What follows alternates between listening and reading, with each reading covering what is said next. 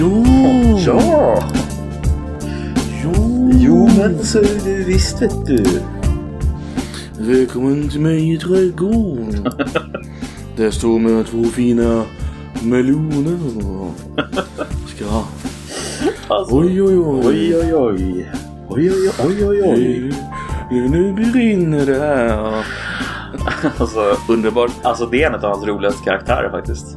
Eh, Faktiskt, det roliga är att eh, den är ju baserad på en verklig en människa. ja, alltså vem? Jag känner igen det. Jag kommer inte ihåg namnet. Det var någon sån här grönsakstomte på SVT på 80-talet. Vet de hade liksom Oj oj oj. massa weird skit. Men det var någon som började blöda i direktsändning och som bestämde sig mitt under jätteblödandet att han, han bara han skiter i det, han bara kör på. Fy Och så fan hade han alltså. den, den typen röst. Oj oj oj, Oj, oj, oj. Oj oj oj oj oj. Ja, alltså. Oj, oj. Han, eh, Robert Gustafsson var duktig, var duktig på att göra sådana där karaktärer på den tiden. Nu för tiden när Mm. man lyssnar på honom så är det ju inte riktigt samma sak. Men Så den enda roliga karaktären typ senaste tio åren är ju Mor- Morgan och Tobias. alltså, Och jag håller ju han- inte med. Alltså. Då är, inte, då är det inte han som är den roliga heller. Jag håller inte med alls. Jag tycker Morran och Tobias är riktigt tråkigt alltså. Ehm, Men Bubban, jag fryser. Fryser Bubban. nej, jag jag, alltså jag vet, många tycker det. Jag, alltså nej, nej, nej, jag vet inte. Jag har aldrig fastnat för det riktigt. Alltså hon är ju inte rasist, hon är gymnasieekonom. det är en underbar linje. Ja, den är sjukt bra. Jag är inte rasist, jag är gymnasieekonom. Bara, Ja, same same ändå. Alltså på något sätt. Det, men det, det är från Morgon och Tobias. Rasist i gymnasieekonom. Fy fan. ja, nej men. eh, Men vilken tycker du? eh, vi kör så här. Um, hej och välkommen till KF-podden, din aktualitets och populärkulturpodd i cyberspace. Med mig Koffe och eh, Robert Gustafsson hataren Nedem. nej. Nej, nej, nej, nej, nej. Populärkulturhataren. Eh, folkkulturhataren. Nedem. Nej, jag gillar, jag Mannen gillar som är-. Mannen som är lite för fin för Tchaikovsky. Ja, just det. Eller hur? Mm, mm. Alltså, den enda, det enda jag tycker är tråkigt med Robert Gustafsson det är de karaktärerna som är typ spelade på precis samma sätt. Alltså hans Roland-karaktär till exempel är ju typ samma karaktär som många andra karaktärer. Alltså, jag vet, jag vet inte hur jag ska förklara riktigt. Det är som att han liksom återanvänder vissa mannerisms som han använder så jävla många gånger. hans- Roland är ju en av hans största hits liksom. Jo, men alltså... Han är ju gått på Han är ju, det är ju ett dansband som är Roland och åkt på, åkt på turné och grejer. Jo, Sålt guldskivor och hela grejen. alltså jag är med på det är det. ganska, Jag det är, är ganska sjukt. jag är typ. med på det. Alltså jag, jag fattar. Jag, men jag Mm. tänker på typ, ehm, vad heter den här snubben som, som super så jävla hårt? Sudden. Är det Sudden? Eh, Sudden är ju Ja, sportkommentatorn det är sportkommentatorn. Vad fan, vad heter kar- karaktären som super så jävla hårt med sin iller? Illen Göran. Ja, ja, han. Mm, Den karaktären, Ehm, alltså känns som mm. att den var ju tidig. mm. Och den karaktären har massa så sätt att uttrycka sig på och göra och alltså göra saker på som liksom åter Alltså man ser dem så igen i många av de andra Men det är karaktärerna. väl inte jätte, jätte, jättekonstigt om man då har liksom tidigt i karriären en, en oslipad diamant och sen så går, går och pushar, pushar varje del av karaktären tills en, så blir det olika karaktärer. Det är nej, nej, nej, men, nej, men jag tycker inte det är konstigt. Men alltså jag kan tycka liksom att vissa av hans karaktärer är inte alls lika roliga som vissa andra karaktärer. Alltså det är verkligen en enorm skillnad på dem. Alltså i hur roliga de är. Ta den här eh, Mm. Lars Brundin till exempel. Ja, jag visste det, jag visste det! Det är din favorit, Ja, eller det är min favorit. Jag satt, jag satt och väntade Den på är det. ju så jävla sjuk. Och så jävla Nej. annorlunda från resten. Jag är rund. Jag är konstig. Vad fan? Jag är konstig. Åh, konstigt. Ja. ja. Han är så Den är också jävla konstig. smal. Ja, det är den Alltså- kanske. Men hela den, inte den hela, hela den serien. Jävligt smal. Sjukt smal. Uh, Ja, absolut. Ensamseglaren är väl inte det kanske? kollade... Nej, jag satt faktiskt och kollade igenom... Um, Tom Robert Gustafsson. Jag kollade igenom... Uh, En liten film om manlig vänskap för inte så länge sedan. Mm, Ben och Gunnar. Ja, ben och Gunnar, en liten film om manlig vänskap. Två män kan inte vara vänner med varandra utan att förr eller senare vilja ligga med varandra. Va? Vad säger du? Du är Alltså- så skön. Du är så skön. Ben, du är så skön. Nej, nej, nej. Du, du, du, du, du, du, du kan kalla mig skön alltså. Är Så den är helt... Nej, den är, den är grym alltså. Alltså, du, du, du, du, du vet de säger om, om, ett, om ett antal män är, är på en öde ö i sex år, eller på ett skepp, så, så är det naturligt att de börjar ligga med varandra. Det är inte, det är inte homosexualitet, det är något annat.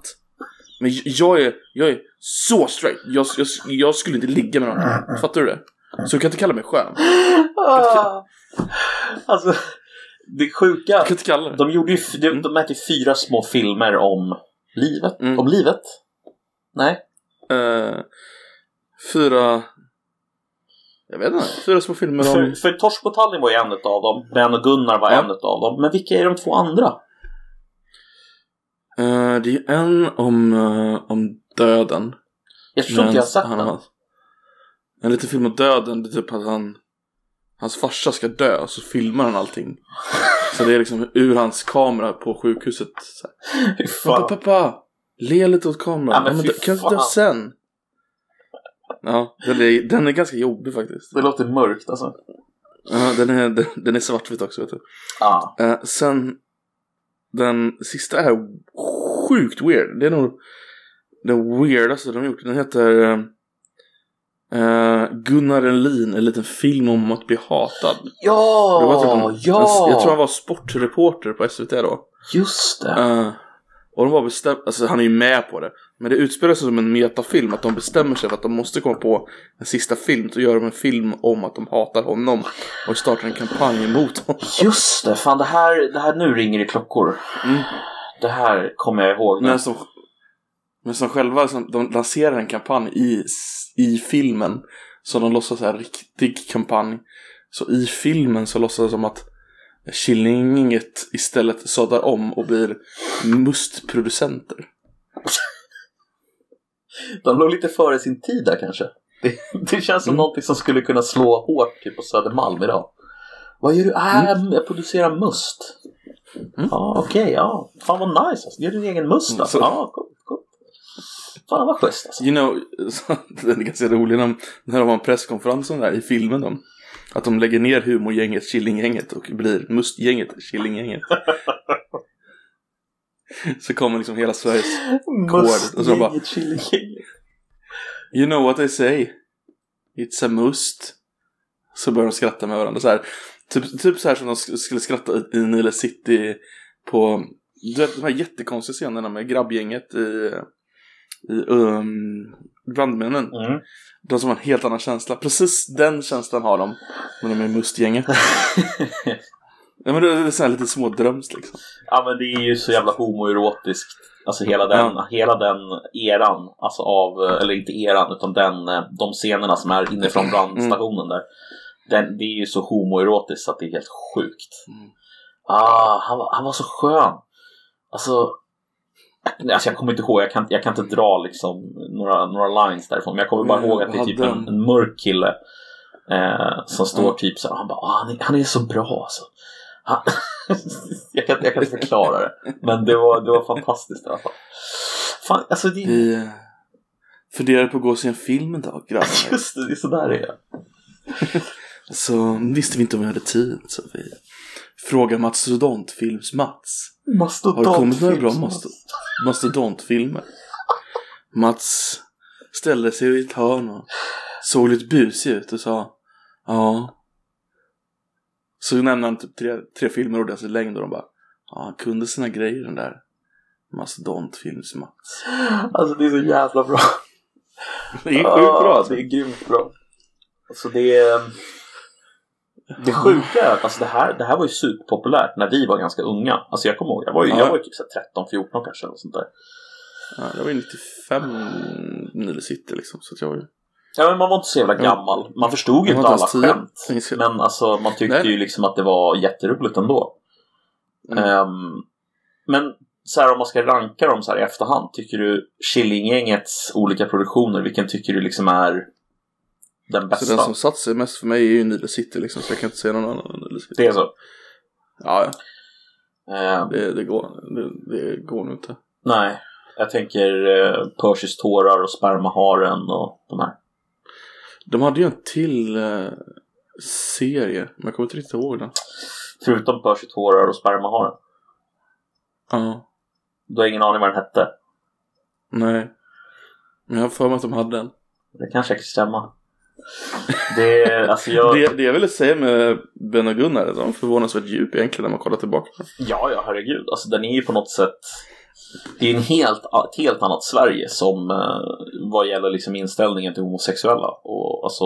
Mm, ja, det det. Ehm, just den, det han ger uttryck för där, någon slags här rädsla nästan för att uppfattas som, som homosexuell Mm. är ju, som jag kommer ihåg i alla fall, var ju mycket mer eh, all, ah, alltså, det, var en, det var en mer vanlig uh, känsla bland folk tycker jag. Att de så här, Mm. verkligen inte ville uppfattas på något konstigt sätt. Liksom. Ehm, I Göteborg på den tiden, eh, och det här har jag fått reda på i efterhand, eh, för jag var inte riktigt medveten nog om det. Eh, det var ju okej att gå runt och så kallat knacka bögar på Mm. den tiden i Göteborg. Mm. Alltså bara att gick runt grabbgäng, hittade en bög och slog ner liksom. Ja, det, var, inte- det var liksom inte, det är stört alltså. det var liksom kulturellt acceptabelt. Mm, Det var inte lagligt acceptabelt, men det var ju kulturellt acceptabelt. mm. Och det var tydligen, det var tydligen ganska mycket värre i Göteborg än i Stockholm då, vad jag förstått. Ja, det, det, det kan jag tänka mig.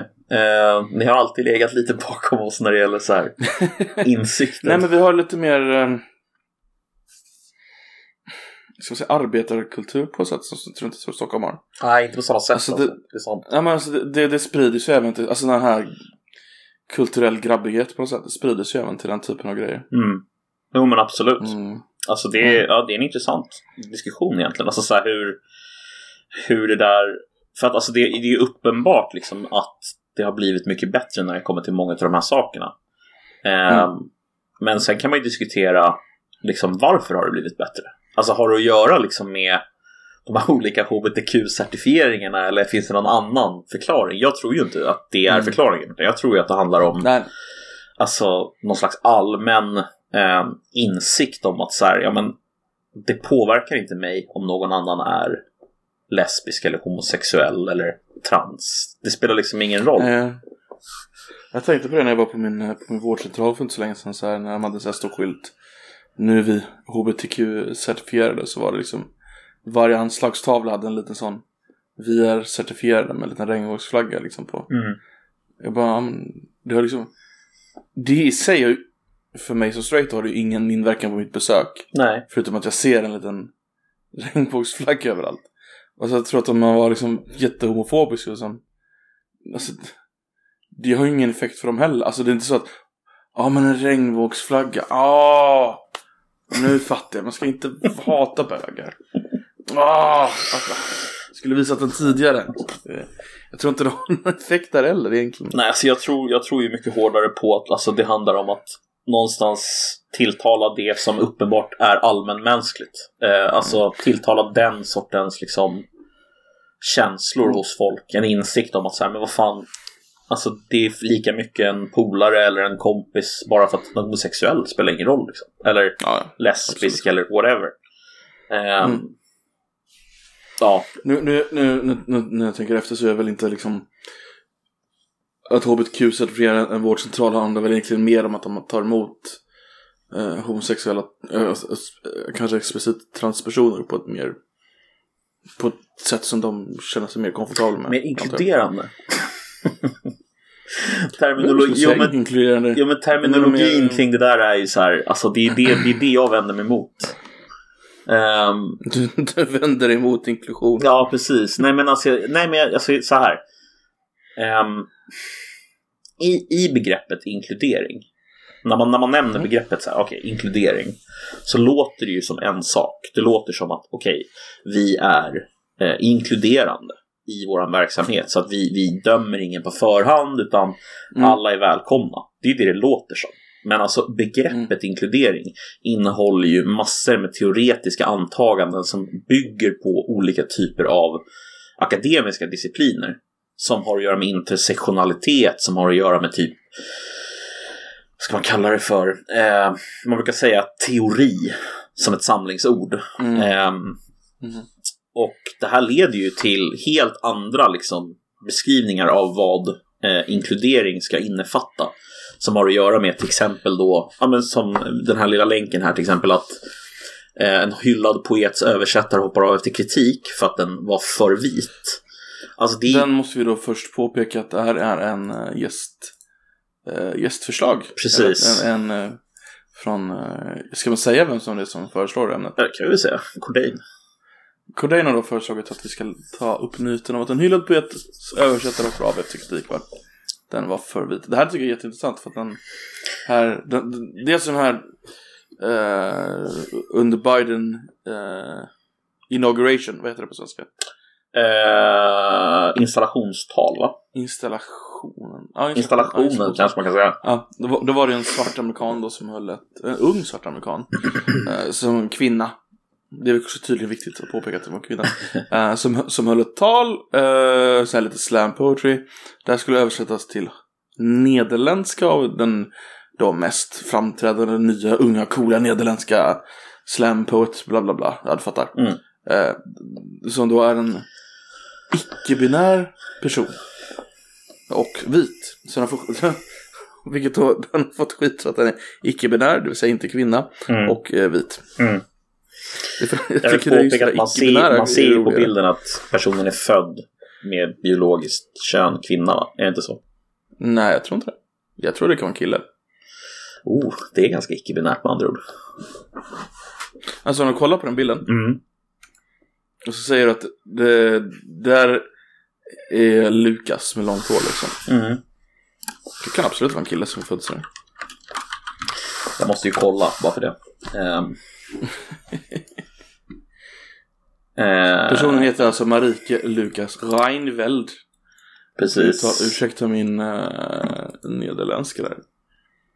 Men ja, man vet ju aldrig. Men, men, men den här personen är alltså 29 år gammal och har helt enkelt avstått då från att översätta eh, Mm. Amanda Gorman som höll det här installationstalet. Efter kritik från svarta aktivister i Nederländerna. Mm. För att översättaren Ja. då inte är en svart kvinna. Precis. Och det jag, vill, Vilket, det, jag vill, det jag ville eh, åt Koffe med att påpeka om det här med, med inkluderingsperspektivet på frågorna, det är ju att inkluderingsperspektivet har ju den här typen av idéer i sig också. Alltså där, där typ, om, om du ställer frågan så här, ja men jag skulle vilja liksom inkludera, ehm, säg, ehm, transkvinnor i min förening. Eh, då skulle jag kunna få till svar att så här, ja fast det går inte. För att du är en vit heterosexuell man och ingenting i din upplevelse av världen är tillräckligt så att säga eh, eh, är, till, är nära nog den här personens upplevelse. Så du kan inte inkludera dem i din gemenskap. För de kan aldrig känna sig inkluderade för du förstår inte vad det är de Mm. utsätts för. Så att alltså, det är det här jag menar med att alltså, den normala, uppenbara förståelsen av begreppet inkludering är Mm. inte den faktiska... Alltså det, det är väldigt mycket upp till eh, tolkaren eller till den som pratar om begreppet just då vad de väljer att liksom baka in i begreppet inkludering. Ehm, Absolut. Absolut. vilket är lite vansinnigt. Det där är så jävla intressant för det är två delar. eh, I, vi har ju någon form av ultraindividualisering i, i, i samhället som vi aldrig sett förut. Mm. Alltså att vi blir mer och mer atom, alltså du är en individ, det är din uppgift att klara det här. Alla problem i samhället är du som inte uppnår dem i samhället utan det är aldrig samhällets problem. Ja, du är arbetslös, det är ditt fel. Eh, Det är inte något institutionellt problem att vi har mindre jobb och automatisering och sånt där.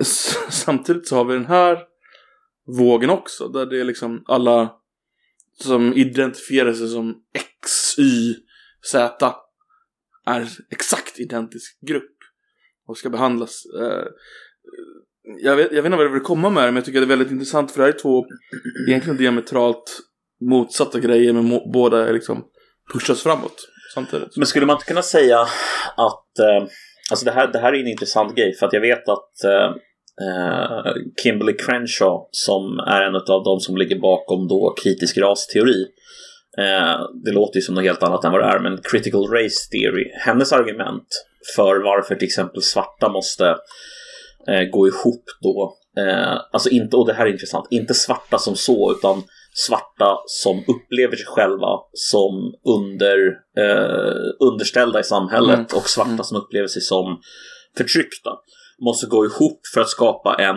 en, eh, liksom en grupptillhörighet. Samtidigt så, så påpekar då Kimberly Crenshaw i den här boken att eh, som hon har skrivit då om Mapping the Margins. Det är inte en bok, det är en, det är en uppsats. Där, där skriver Mm. hon så här att nej men typ att hon är medveten om att det är en påhittad kategori.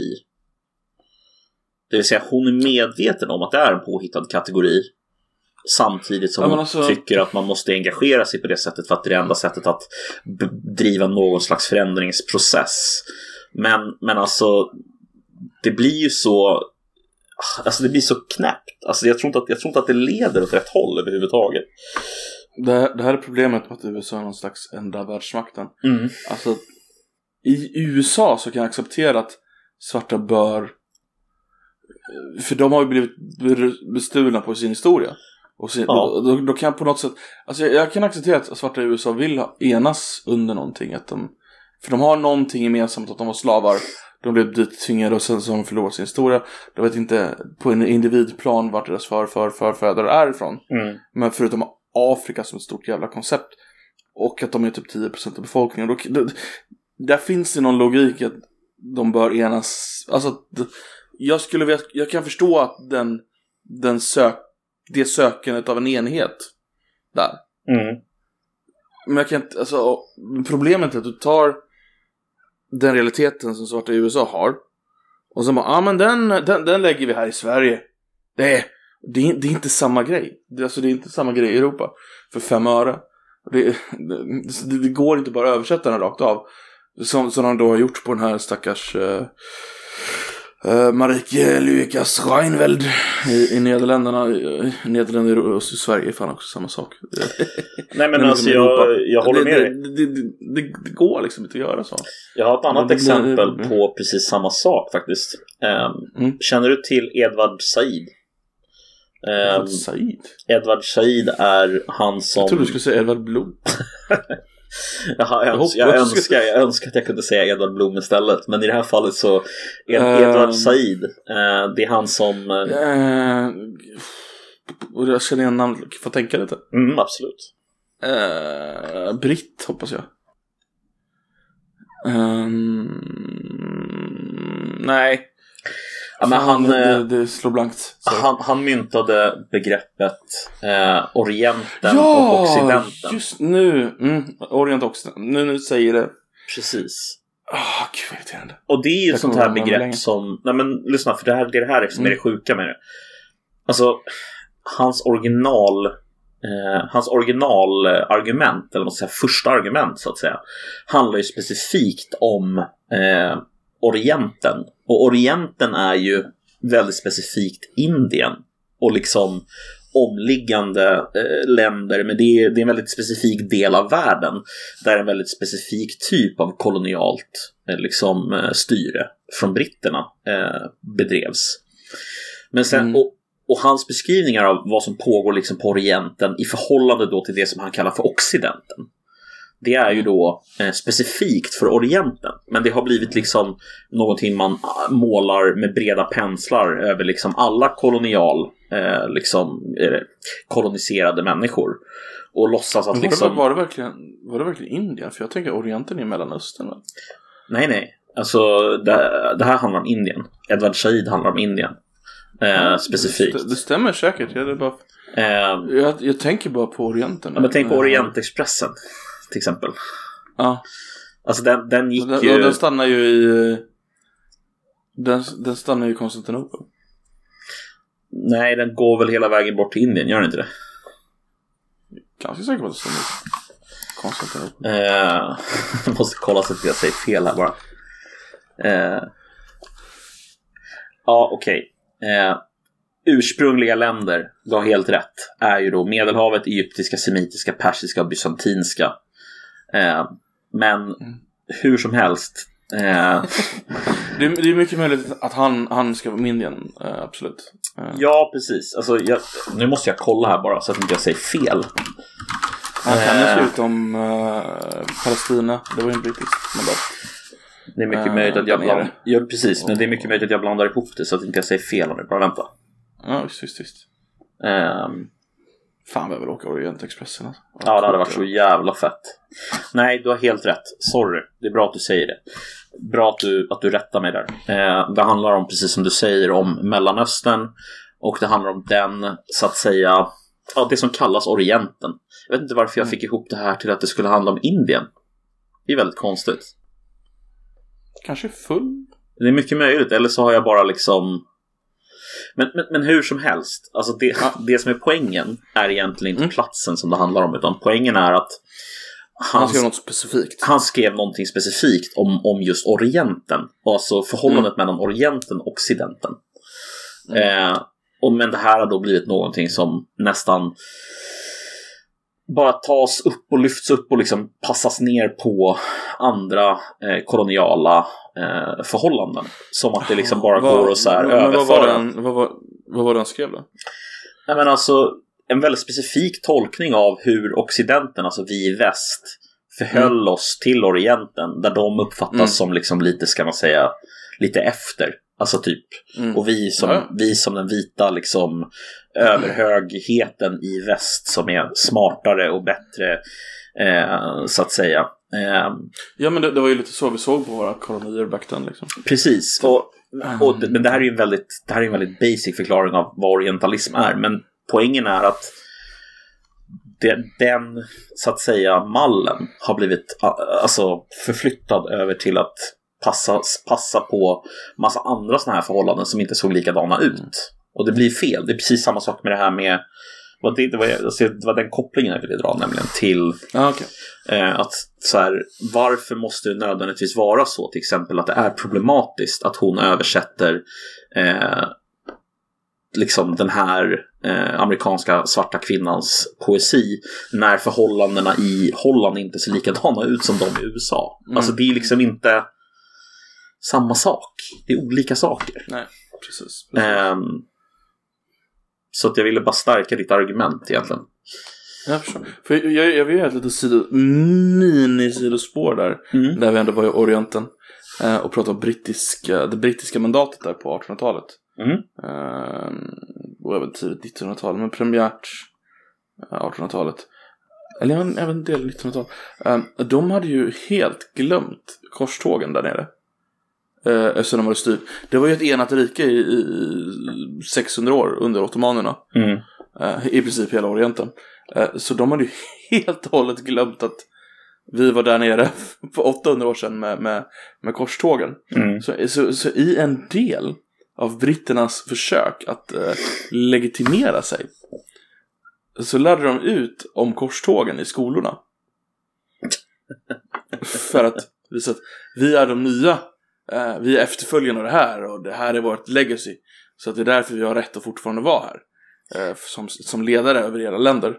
Eh, efter ni har varit självständiga i se- 600 år då. Eller ja, hur självständig man kan vara om man är under, och man ska vika till en sidospår igen. Men då, så att den moderna förståelsen av korstågen, det är alltså den här som i, i, i Mellanöstern, det är alltså den här som britterna använder för att stärka sitt koloniala styre. Mm. Annars hade de glömt det. Men om det, det som är väldigt intressant idag, när vi ser på Isis och där, då använder de den här kunskapen, alltså att det var en förtryckarstat eh, i korstågen, att de blev förtryckta som, som, som sitt motangreppsvapen. Alltså, att, ja, du förstår vad jag menar. Mm. Så, så det där, liksom så något som de hade glömt, tog britterna tillbaka för 100, eh, 200, 150 år sedan.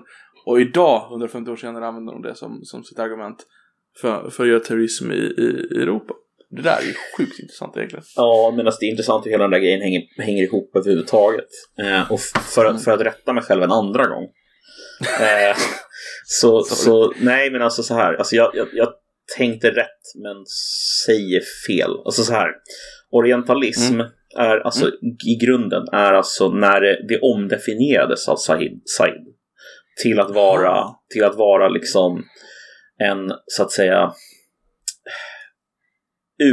outsider-tolkning av den österländska världen. från liksom väst. Och det är det som var den orientalistiska, alltså en, en europeisk imperialistisk tolkning av öst. Ja, Och öst i det här fallet är då alltså inte bara då, eh, vad heter det, Mellanöstern, utan hela vägen till öst.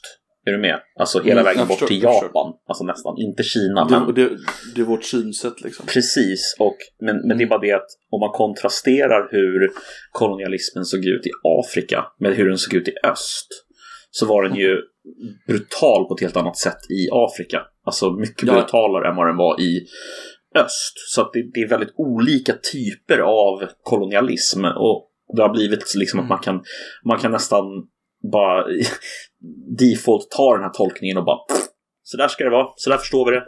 Det är kulturell hegemoni liksom och eh, europeisk imperialism. Bara, men europeisk imperialism såg inte likadan ut i alla delar av världen. Alltså den, den, den var olika.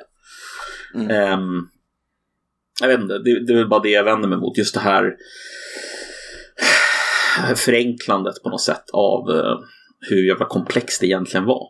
Ehm, Mm. Typ lite så. Det känns som att det är igen, än en gång det som händer med den här att hon hoppar av efter kritik för att hon var för vit. Jo, men nu var hon ju uppenbarligen liksom ändå icke-binär person som... Mm. Eh. Jag fick ju kritik för det också. Jo, precis. Jag sa att hon var inte... kvinnans röst. Ja, precis. Hon var inte kvinna. Det är så här, men... Ja. Jag är orolig hur det här kommer, ehm, hur det här kommer sluta. För förr eller senare så kommer... Ju mer mainstream det där blir, och det blir ju mer mainstream för varje dag verkar det som. Mm. Eh, jag, tror, jag tror inte det blir mainstream i folk. Bland gemene man. om vi säger så. Den gråa massan. Men jag tror att det blir mer mainstream mellan eh, akademiker och, och, och, och den här den, upplyst, den upplysta vänstern kan jag säga. Den, den liberala upplysta vänstern. eh, Mm. De som tror sig vara lite för mer på något sätt. Ehm, den vänster som inte pratar klass. Nej, precis. Den som pratar identitet snarare än klass. Mm. Precis. Och den eh, Jonna Sima-vänstern. SVT-vänstern. SVT-vänster. Ja, men någon typ av vänster. Jag vet inte vad man ska kalla det det. är fan en term. SVT-vänstern. Det ska bara, det ska användas. Men jag, jag tror att det kommer få, det kommer få någon form av. För, förr eller senare, all kultur får det. Men har du börjat med en kultur som pratar om identitet. Mm. Då kan du få en ganska jobbig backslash. Ja, men alltså kolla på det här som... Vi fick ett annat exempel här från en annan användare eller lyssnare. Och det var om equitable math. Från Du Fredman. måste ju säga, ja, men, ja. Från Fred... Equitable math alltså. Nu får du fan förklara vad det är. Ja, alltså så här beskriver de det själva. Eh, ska vi se, här ska vi hitta en definition här bara av exakt vad det är för någonting. Du kan ju This- bara läsa titeln. Ja, i och för sig. Alltså, Eh, kan läsa vad det står här uppe. Då står det så här. A pathway to equitable math instruction. Equitable, det betyder alltså inte jämställdhet utan det är mer jämlikt utfall. Skulle man kunna säga. rättvis kanske. Rättvisa kan vi säga. Rättviseutfall kanske.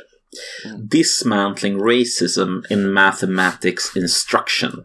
Exercises for educators to reflect on their own biases to transform their instructional practice.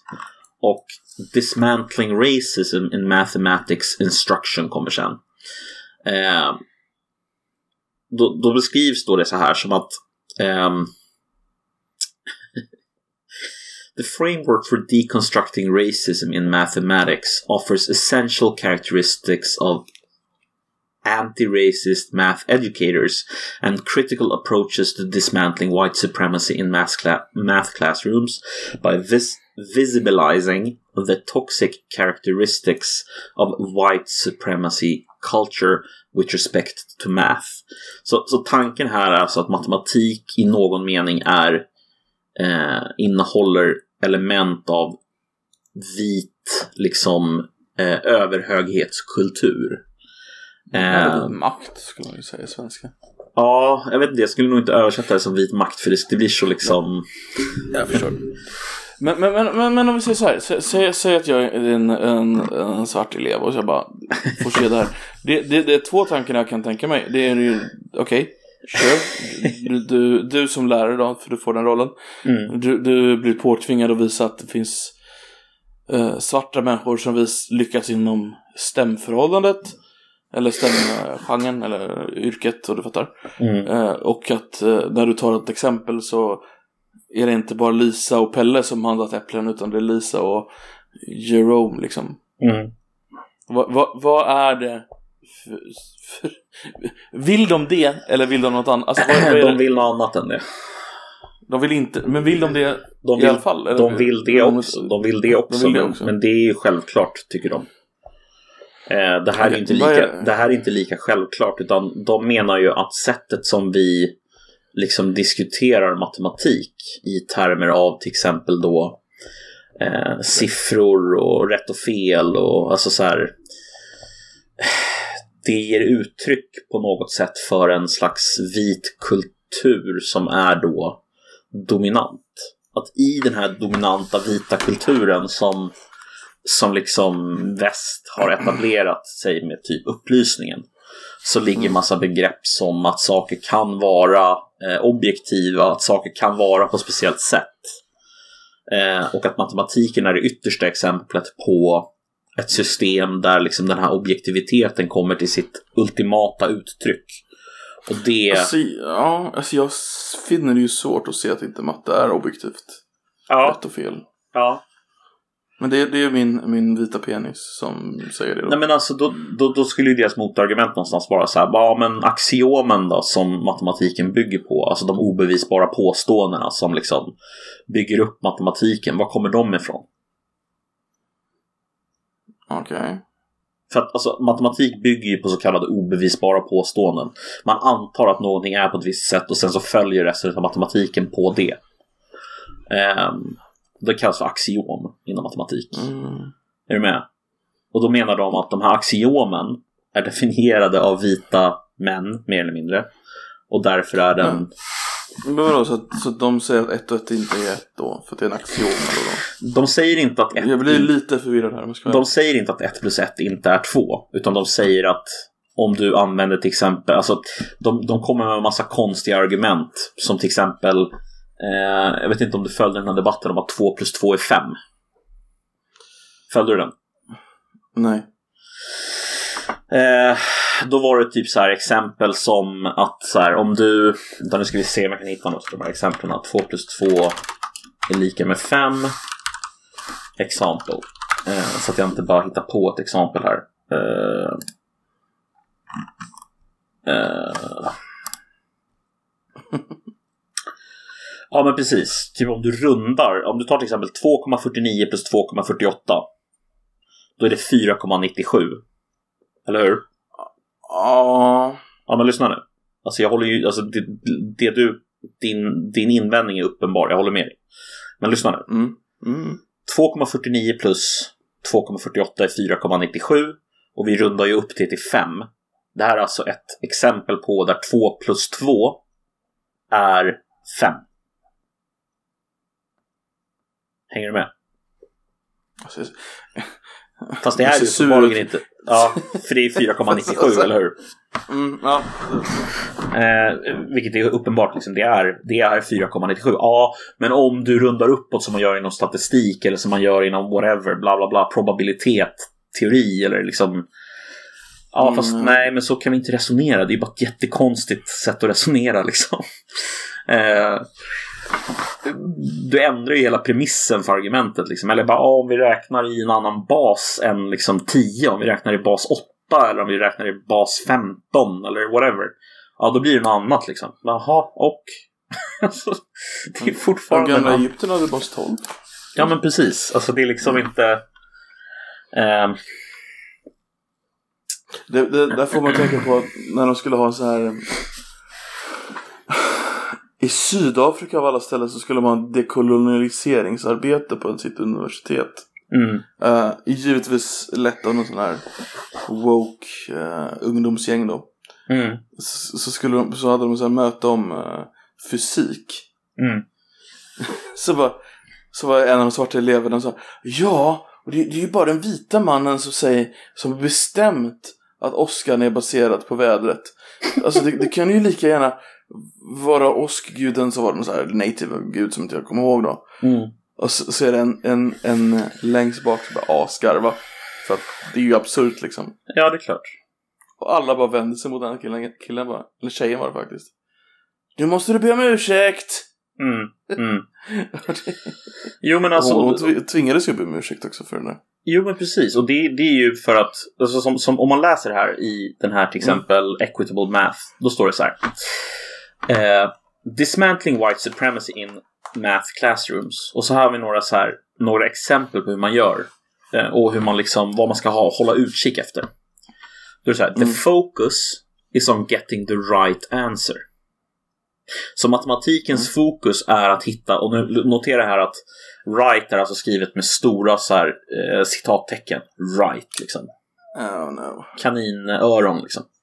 Ehm, Mm. Nästa grej. Independent practice is valued over teamwork och collaboration. Än en gång då ett uttryck för hur den här vita majoritetskulturen eh, lägger tonvikten på den individuella prestationen, inte på liksom hur man tillsammans i ett kollektivt liksom, system kan arbeta tillsammans. Ehm, eh, här har vi en annan sak då till exempel och det är att eh, ska vi se Ehm,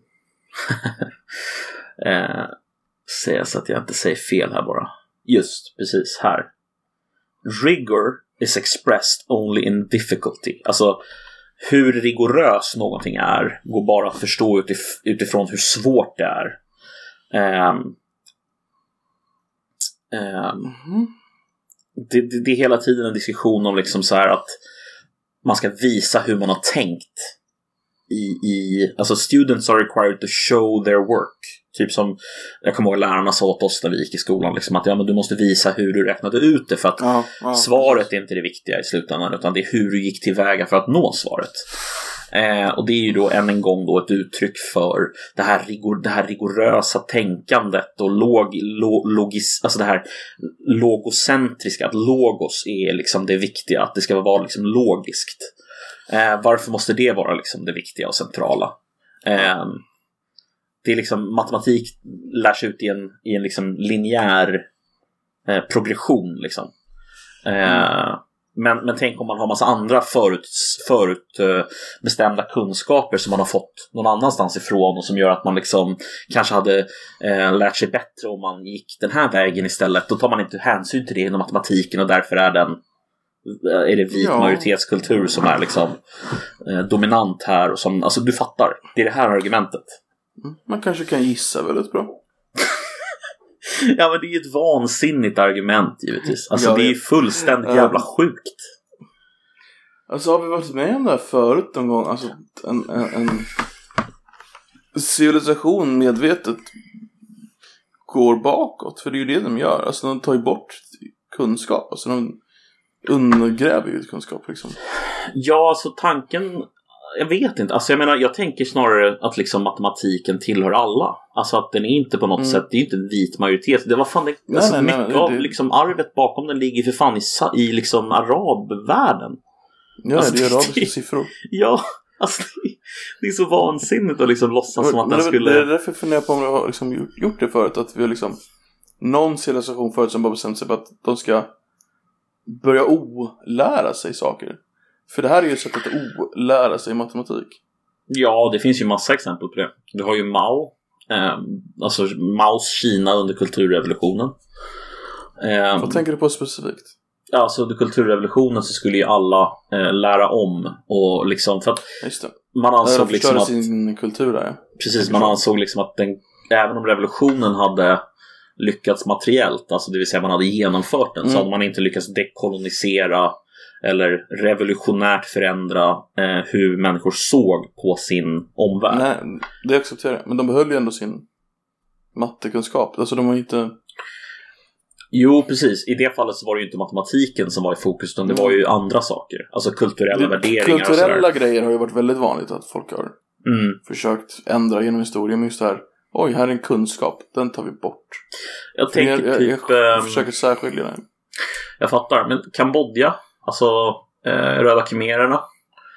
Där man liksom tog folk som var eh, akademiker Ja, ut Mm. liksom, nu ska ni börja plöja fälten istället liksom. Ehm, Stalin dödade alla läkare. Ja, precis. Så att jag vet inte, det finns väl något, Mm. eh, något mått av det här i tidigare såna här kulturella revolutioner. Jo, det här är ju ändå institution... Alltså skulle det här bli institutionaliserat så skulle det ju ta lång tid innan det blev, liksom, fick tillbaka någon riktig matematikkunskap i skolorna. Ja, visst. visst. Alltså om, om det- om det här går i en generation, alltså två, eh, två generationer. Ja, Så att du får, får ut det i, i, i eh, universiteten och sen så... Ja, nej det, det där är farligt alltså. Faktiskt, ja det är superfarligt. Det är superfarligt. Ehm, en annan sån här sak som de vänder sig mot, eh, det är liksom, de, de uttrycker det så här. Teachers are teachers and students are learners. What if they reverse? nej, men nej, nej, nej, nej, nej. Alltså, de menar ju att andra ämnen, som då säg till exempel eh, samhällskunskap, där, där liksom finns det mer av ett utbyte mellan eleverna och lärarna i den meningen att lärarna på något sätt både är studenter och lärare samtidigt och att det liksom är en, eh, en kollektiv process där man tillsammans liksom utforskar de här sakerna. Är du med? Okej, jag förstår. Medan i matematik så är det liksom läraren är läraren, liksom, står längst fram och, och, och lär ut. Och eleverna de sitter bara och lyssnar. Ja. Eh, och jag menar, där har du ju, ska man säga, där har du ju någon slags vansinnig eh, bild av eh, vad lärarens liksom, yrkesroll är. Alltså om lärarens roll inte är att lära ut, vad fan är då lärarens roll? Ja, så problemet är väl att i många afroamerikanska skolor i USA så är det väl läraren mer en, en dagmamma liksom. Jo, alltså visst. Definitivt. Mm. För att deras skolor har totalt fallerat i innerstads... Eh. Alltså, absolut. Och jag menar, så finns det ju exempel på att det ser ut så i vissa av våra svenska skolor också ute i förorten där det totalt bara har kollapsat mer eller mindre. Ehm, men det är ju inte någonting och det ska man kanske inte ta som ett exempel på fan vad bra. Det Nej, här, så här borde det vara. För det är mer liksom jämlikt. Bara, eh, va? ja. Nej, det där, det där, är, det där är inte bra. Det är inte bra nej. Oj. Hoppas inte, tror du kommer dit? Alltså jag är nästan säker på det ja. Jag tror inte att det kommer eh, Jag tror att det kommer möta på ganska starkt motstånd i svensk skola just för att vi är hyfsat medvetna om det här redan. Eh, den här typen av så att säga syn på eh, undervisning. För vi har liksom haft den här ett försök till den här revolutionen inom svensk skola redan i form av den här konstruktivistiska kunskapssynen som länge har varit dominant i, i svensk skola. Och den har folk börjat mm, liksom vända sig emot. Så jag hade svårt att se att det här skulle få så mycket eh, liksom fastna i svensk skola. Men eh, vem vet? Vem vet? Det finns mycket idioter i svensk skola kan jag konstatera. Eh, som säkert skulle tycka att det här var jättebra. Ja, för fan.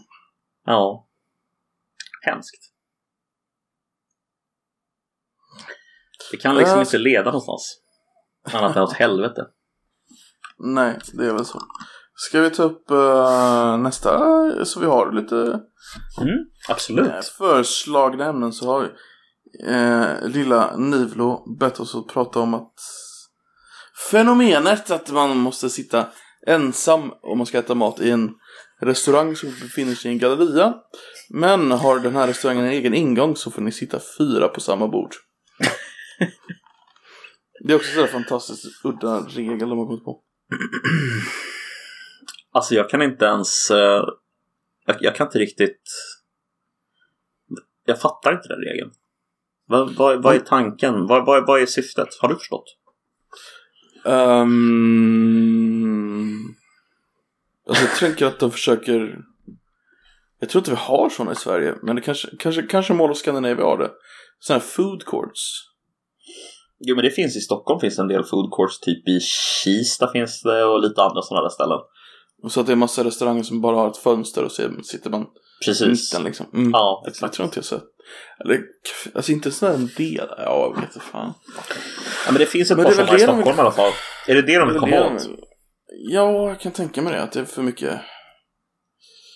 Att det kanske är populärt bland ungdomar. Jag vet inte. Men är, är, ta- är tanken då att varje sånt bord får det bara sitta en person vid då liksom? Ja, precis. Ja. Ja, alltså, alltså, det är en, men, alltså det är min logisk tolkning, det håller jag med dig om. Alltså om det är så att de försöker komma åt food courts Mm. så hade jag kunnat förstått det. Men varför säger man inte det då? Jag tror inte det finns en definition av food court som är laglig. Nej. Och det här Ingen- var närmast de kunde komma. Nej men jag, jag tänker om du är på en galleria så har de en typ en restaurang där. Mm. Har den restaurangen så får du gå in där. Går du in via gallerian så måste du sitta själv. Går du in ut vägen så får du sitta fyra stycken. Ja, det blir... Ja, för fan, det har du ju rätt i. Ja. Som till exempel O'Learys som ligger på under Tele2 Arena. Kan du ju ta dig in i eh, en annan väg också. Och då går du in genom ytter, alltså utifrån arenan. Eller så kan du gå in Precis. genom arenan. Ja precis. Det finns ju massa sådana restauranger i, i hela Sverige. Eh, Men då måste man ju då räkna det som att nej, men den här finns redan. Det fin- men då måste det ju vara så här, men det finns en ingång som är genom, alltså under, alltså inte utifrån. Och därför så får man bara sitta själv. Så undrar om de är generösa eller ogenerösa i tolkningen. För att du kan ju, du kan ju tolka det ogeneröst. Om du kommer in inifrån, då får du sitta en. Ja, du kommer Mm. in utifrån, då får du sitta fyra. Så det beror, det beror ju lite på alltså. Alltså hur, hur den som kontrollerar det bestämmer sig. Ah, fy fan, alltså det är så jävla vansinnigt. Eh, polisen gick ju faktiskt ut idag och varnade att det var inkonsekventa eh, regler och guidelines och det var för mycket liksom. Det var för otydligt för gemene man. Det är ju sällan polisen går ut och säger sånt. Men de gick ut idag för Alltså jag känner bara så här. Håller vi på med? Det är ju krav att man ska ha munskydd i lokaltrafiken här. Mm. Men det är inte ett straffrättsligt krav. Så det är inget som efterkollas. Men det är lite du måste- sent påkommet. Eh, Men du måste ha det, men det, det är inget som händer om du inte har det. Vilket gör att inte så många har det ändå. Nej men alltså, alltså det är inte, alltså jag, det Jag också. mm, men alltså, mm, mm, mm. jag, jag, jag blir sned över så här. Alltså hade man sagt från början när det Mm. här drog igång att det uppenbarligen, för att det är en självklarhet, är så att det hjälper om folk har på sig munskydd. Ja. Eh, då hade liksom folk anpassat sig från början och gjort så. Ja men det är ganska självklart Men du kan inte göra det är vattendroppar från, från, Ja, från näsan och munnen liksom. Det är klart, Det är det men du kan inte gå ett år senare och säga samma sak. Nej. Det är för sent. Alltså folk, folk tänker så här. Ja men, jag har liksom varit utan munskydd i ett år nu. Mm. Och ingenting har hänt mig. Så varför ska jag göra det här? Jo men för alla andra. Ja men alltså. Folk skiter i det nu. Det är liksom för sent. Det, det går inte att få Mm. folk att ändra sig ett år efter man skulle ha gjort någonting. Alltså tyvärr. Alltså det, det är för lite för sent. Det, Alltså de vill ju hålla det på någon slags rimlig nivå, skadan. Men nu, Ja. alltså hoppet mellan första och andra vågen, där var det ju Mm. nere på typ noll i mitten. Mm. Och nu har vi precis, nu håller vi på att komma in i tredje vågen. Mm. Medan det svanket mellan andra och tredje är ju högre än toppen på första var. Alltså det... Så det här kommer bli väldigt högt. Men det alltså, mm, och det de vill göra, alltså FOM, det är ju att de vill hålla en så här lugn nivå. Så att de, ju värre det blir, ju mer sätter de in. Det vill säga att Mm. nu sätter de in munskydden. Mm. Men ja, nu, har det inga, nu kommer inte folk bry sig. Nej, de, alltså det, eh, det är som att de liksom lever i någon slags... Alltså det är nästan som att de har samma bild av verkligheten som du vet eh, 80 och 70-talets ekonomer. Som var så här, du vet, Homo economicus. Eh, Känner du till Homo economicus? Ja. Eh, Den rationella mannen, liksom. den rationella individen som alltid tar liksom, egen, egenintresset väger högst Mm, och det är alltid det precis. som liksom spelar roll. Det är nästan som att de har den typen av tolkning av hur människor ska agera i förhållande till den här pandemin. Men så, men så funkar det ju inte. Nej, det var ju ganska kraftigt motbevisat. Um, alltså, ja, Folk är ju inte så liksom. Alltså folk är folk. Det är, folk, folk är inte ration- rationella. Det är ganska Nej. bevisat. det är ganska jättebevisat för länge sedan. eh, jag menar det är därför, alltså, för att återkoppla till den diskussionen om matematik. Det är ju därför Mm. matematik är så jävla svårt. Just för att vi är inte rationella och att då försöka att tänka rationellt är helt jävla, det är jättesvårt. Och det är därför det behöver läras ut. Det är därför det inte bara är liksom någonting som man intuitivt plockar med sig. Är det därför autister är så bra på matte? Jag vet inte. Kanske. Det var ja! Nej! Kanske. Um, ja, men det blir så liksom... Ja, det är vansinne alltså. Totalt vansinne. Mm, absolut. Um, vad tror du kommer sluta liksom? Tror, tror du att det kommer vara så här i slutändan så bara, ah, ni får gå runt med eh, så här, biologisk sån här dräkt som de har på sig typ i Outbreak-filmen från 90-talet liksom. Jag hade en polare som hade det i början. Är det så på riktigt? Ja, Fy fan, hade han, Eh. låg han i riskzonen eller? mm, nej, det ska jag inte säga. Hans morsa kanske gjorde det. Kanske var därför. Okej. Eh, Så- han, han skulle på något möte eh, långt ifrån där han bodde. Så han var Mm. tvungen att åka tåg. Och det var precis där början innan de började stänga ner grejer. Och, ja, så man fortfarande kunde göra det men han var rädd. Så då, då, då köpte han en sån dräkt när han skulle åka tåg långt. Damn, det är fan Ja. hardcore alltså. Det gick sönder. Synd. Synd. Um, jag tyckte det var kul. Han postade en bild på det. Då tyckte jag att han överreagerade som fan. Men ja. Det roliga, Ja. eller det, det, det tragikomiska är det. Han är en av de få jag känner som verkligen fått det också och varit legat inne på IVA och allting. Det var han. Han hade ju åkt in för det. Uh, Ja. och han satt också sådana steps liksom för att inte få det så åker han in. Det, ja. Ja, det är intressant. Men Nej, det men kanske finns någon korrelation där. Kanske. Jag hoppas att vi blir bättre på vaccinet. Uh, 6,4% har fått det i dagens räkning. Och det är mars. Ja, då har vi tre månader innan uh, på de nästan 90... Alltså så här. det bör- Vaccinet var ju klart i mellandagen, eller hur? Alltså, du menar i december? Ja, mellandagarna. Det var ju där det började. Alltså, alltså vaccinet var godkänt då ja.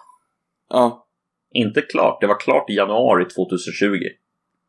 ja, ja, precis, precis, precis. Alltså vilket är ännu sjukare. Alltså det vill säga, man hade kunnat fast-tracka på något sätt själva det här liksom, var processen. En, vad jag förstår var en jävla fast track. Jo, precis. Det här var ändå en fast track, jag håller med Mm. dig. Men, men alltså, men, men, man kan... det, det jag vill komma till det var ju ändå att det är ju ändå tre månader sedan snart. Mm, Och ni har liksom fått 6% av befolkningen. Mm. Eh, och de ville ha 100% i, i början av juni, det vill säga om tre månader. Det lär ju inte hända. Nej, det lär inte hända. Jag- Alltså du lär ju inte ens få 50% då. Nej, jag tror inte ens vi är uppe på vi- 25 procent om jag ska vara helt ärlig. 25% kanske på första dosen. Kanske. Men jag skulle bli Vi, vi, förvånad. vi lär ju sitta där i höst också. Jag, jag precis göra samma grej alltså. Ja. Jävla kukpung. Jag skulle gissa på att vi sitter så här även 2022, om jag får helt ärlig. Hela 2022. Nej, inte hela 2022, men jag tror att alltså, det kommer ta så lång tid för oss att få vaccinet att eh, de kommer uppmana oss åtminstone att inte liksom börja röra oss som vanligt förrän kanske typ ja, mitten av 2022 eller någonting. Alltså på grund av att du måste ju ha Mm. Vaccinet måste ju ha slagit genom hela samhället för att det ska liksom bli Precis, rimligt precis. att röra sig egentligen då. Men jag tror att folk kommer börja röra sig som de vill innan det bara det, haft det vaccinet. där... Men, ehm, 95% tror jag det måste vara. ja, det är något sånt där, ja, precis. Men du, två, två grejer. Uh, börjar med första. Eh, Österrike och Danmark, deras presidenter och Mm. statsminister är i Neder... I, Israel. Nederländerna, vad fan du för?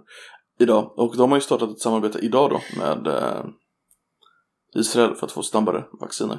Vilka länder sa du? Nederländerna och Danmark? Nej, Österrike och Danmark. Österrike och Danmark, okej. Ja. Så han, eh, han jätteunga killen i Österrike där, jag kommer inte ihåg vad han heter. Ehm, jag vet inte vad du menar. Ehm, Precis. Och så hon Mette Marit 2 i Danmark. ja, just det. Så Ja. de, de, eh, de ska alltså försöka kringgå EUs, eh, för EU köper ju in tillsammans. Mm. Det är därför det tar så jävla tid. Så de ska försöka kringgå det. Och bara börja köpa in själva. Vad säger du om EU? Mm, vad säger det om EU? Ehm, och vad säger det om eh, samarbetet?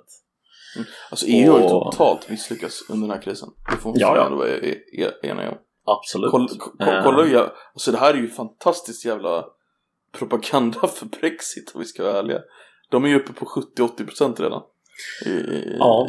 i Storbritannien liksom. för, att de inte, för att de inte har behövt köpa eh, vaccinet genom EU liksom. Precis. Så Mm. de, eh, de kommer ju, alltså i teorin, så de skulle kunna få en bättre ekonomi. Alltså de kan ju rivstarta sin ekonomi där och gå liksom om EU och sen Ja. ta EU land för land, liksom ett frihandelsavtal med varje land. För, var, alltså, för det blir ju varje land för sig själv nu som Österrike och, Danmark och då kommer ju England komma, komma in där och Storbritannien. Ja, vad kul, ni är också vaccinerade, men då, då börjar vi handla med varandra igen. Bara Mm. du och jag, vi startar ett eget avtal. Mm. Så, så, så spelar de det där rätt liksom så blir det ju grym Jävlar, alltså. propaganda för, för, för Brexit. Ja, det var ju helt rätt. Och det kan ju också leda till eh, ett annat typ av EU. Eh, Mm. Typ ett mer ekonomiskt samarbete snarare än ett socialt. Och, eh, Ja, men det kanske vore lite bra att EU gick från sina, en del av de där.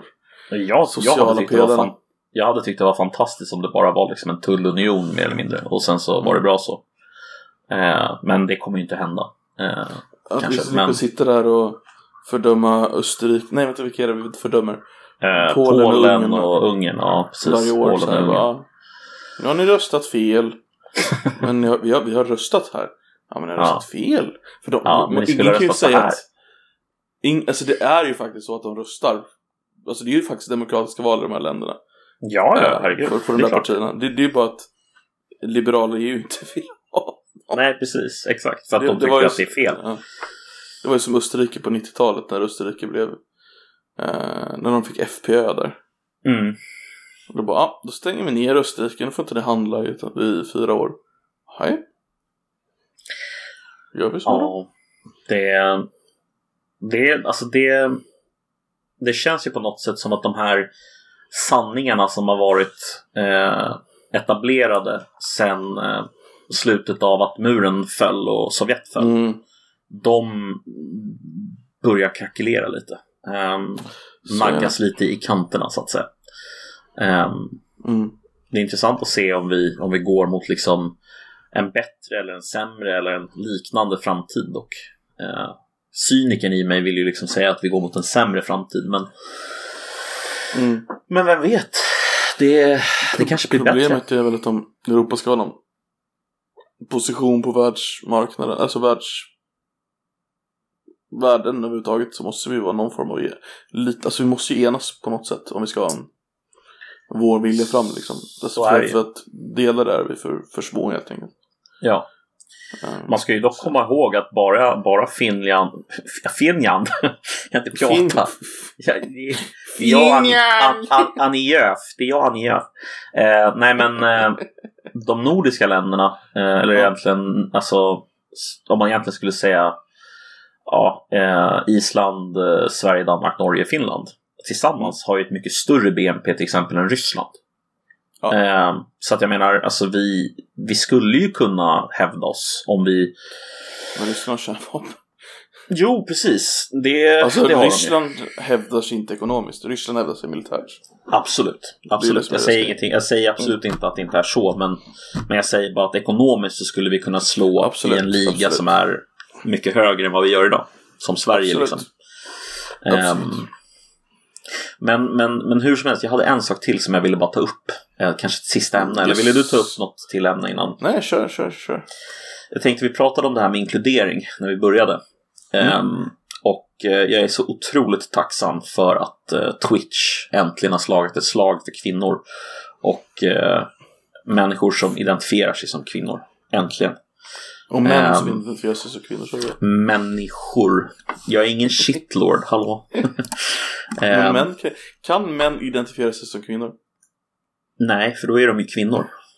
Okej. Eller hur? Det är ju det som är logiken här. Mm. Det är ju så, ja, ja, så, så, så, så som du identifierar dig, du är det du identifierar dig som. Men då är det så här. Mars är ju då kvinnornas månad i, i vårt kära eh, broderland USA.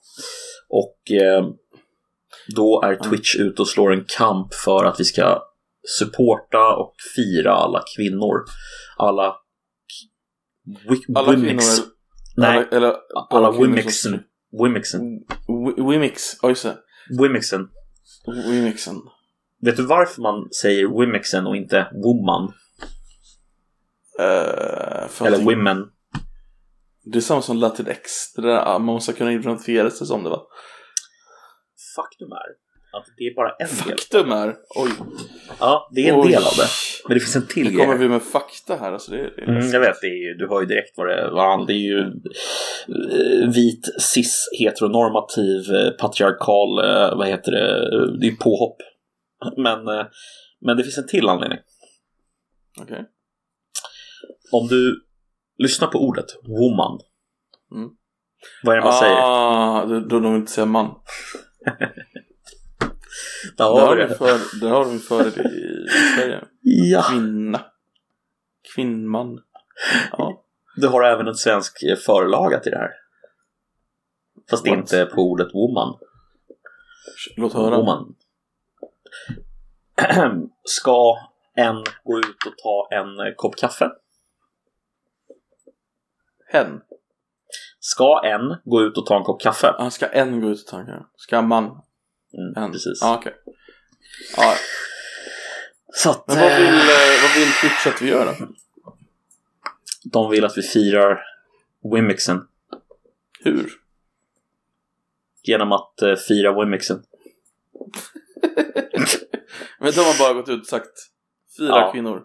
Ja. Så det är Ja. ju det är ju egentligen inte det som är liksom konstiga utan det konstiga är att de överhuvudtaget Mm. använder sig av en sån term som Wimixen.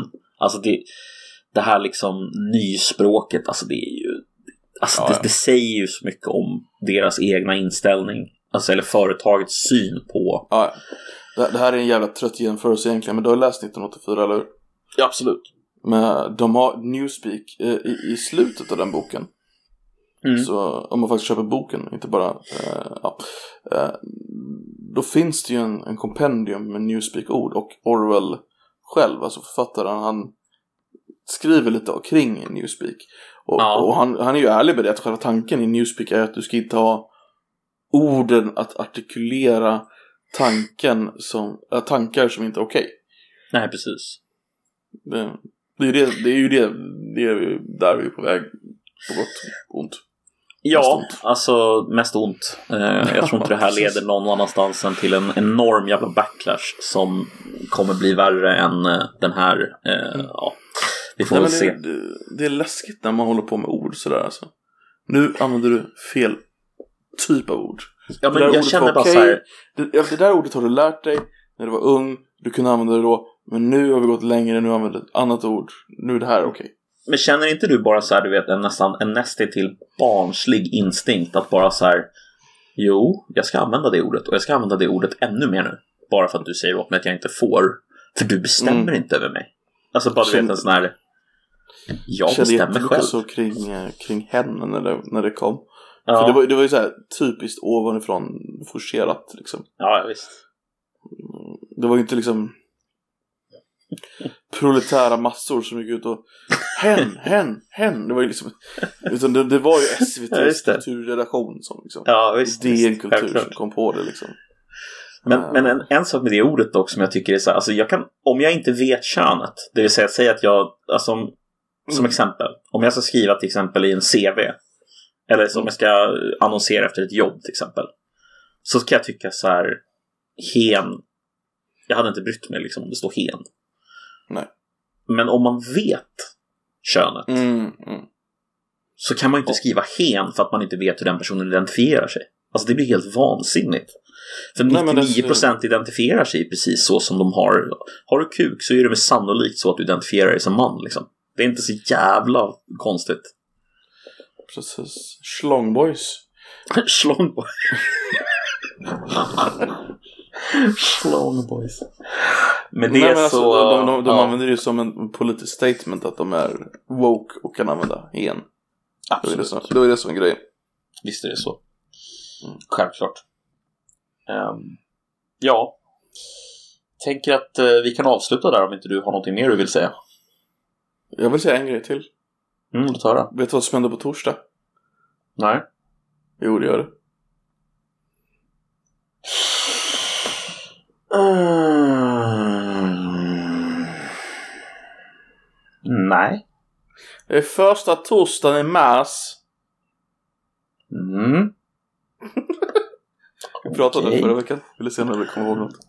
Jag kommer inte ihåg. Kommer du inte ihåg ens ämnet? Seriöst? Nej, jag kommer inte ihåg någonting. Vi pratar jättemycket om det. Första torsdagen i mars, det är ju Smålands nationaldag. Ja. Då de äter marsipantårta. ja, just det. Marsipantårta i mars. Och då Ja, har ni nej, men- en grej av det varje år. Ja, just det. Så vi vill eh, tipsa alla, eh, eller jag vill tipsa i alla fall alla. Och jag, jag vet knappt vad jag heter så att det, ja. Vi vill tipsa alla om att eh, äta en marsipantårta på torsdag. Ja. Det är jättebra. Och så gå ut och rösta på Centerdemokraterna. Nej, gör inte det för allt i världen alltså. Fy fan, usch. Bondeförbundet Libertarianerna. Det var, min, det var det jag ville, det var mitt eh, enda, det var mitt ämne, resten var ditt. Okej, okej. Ja, men då så. Då, har- då, har vi, då har vi avklarat det. Vad bra. Ja. Nä- Nästa vecka kommer någon, någon ny mumsig tårtbit som ska hänföras till någon dag. nej, inmundigas. En mumdis? Ah, okej. Ja, en, en, en mumsbit som ska inmundigas.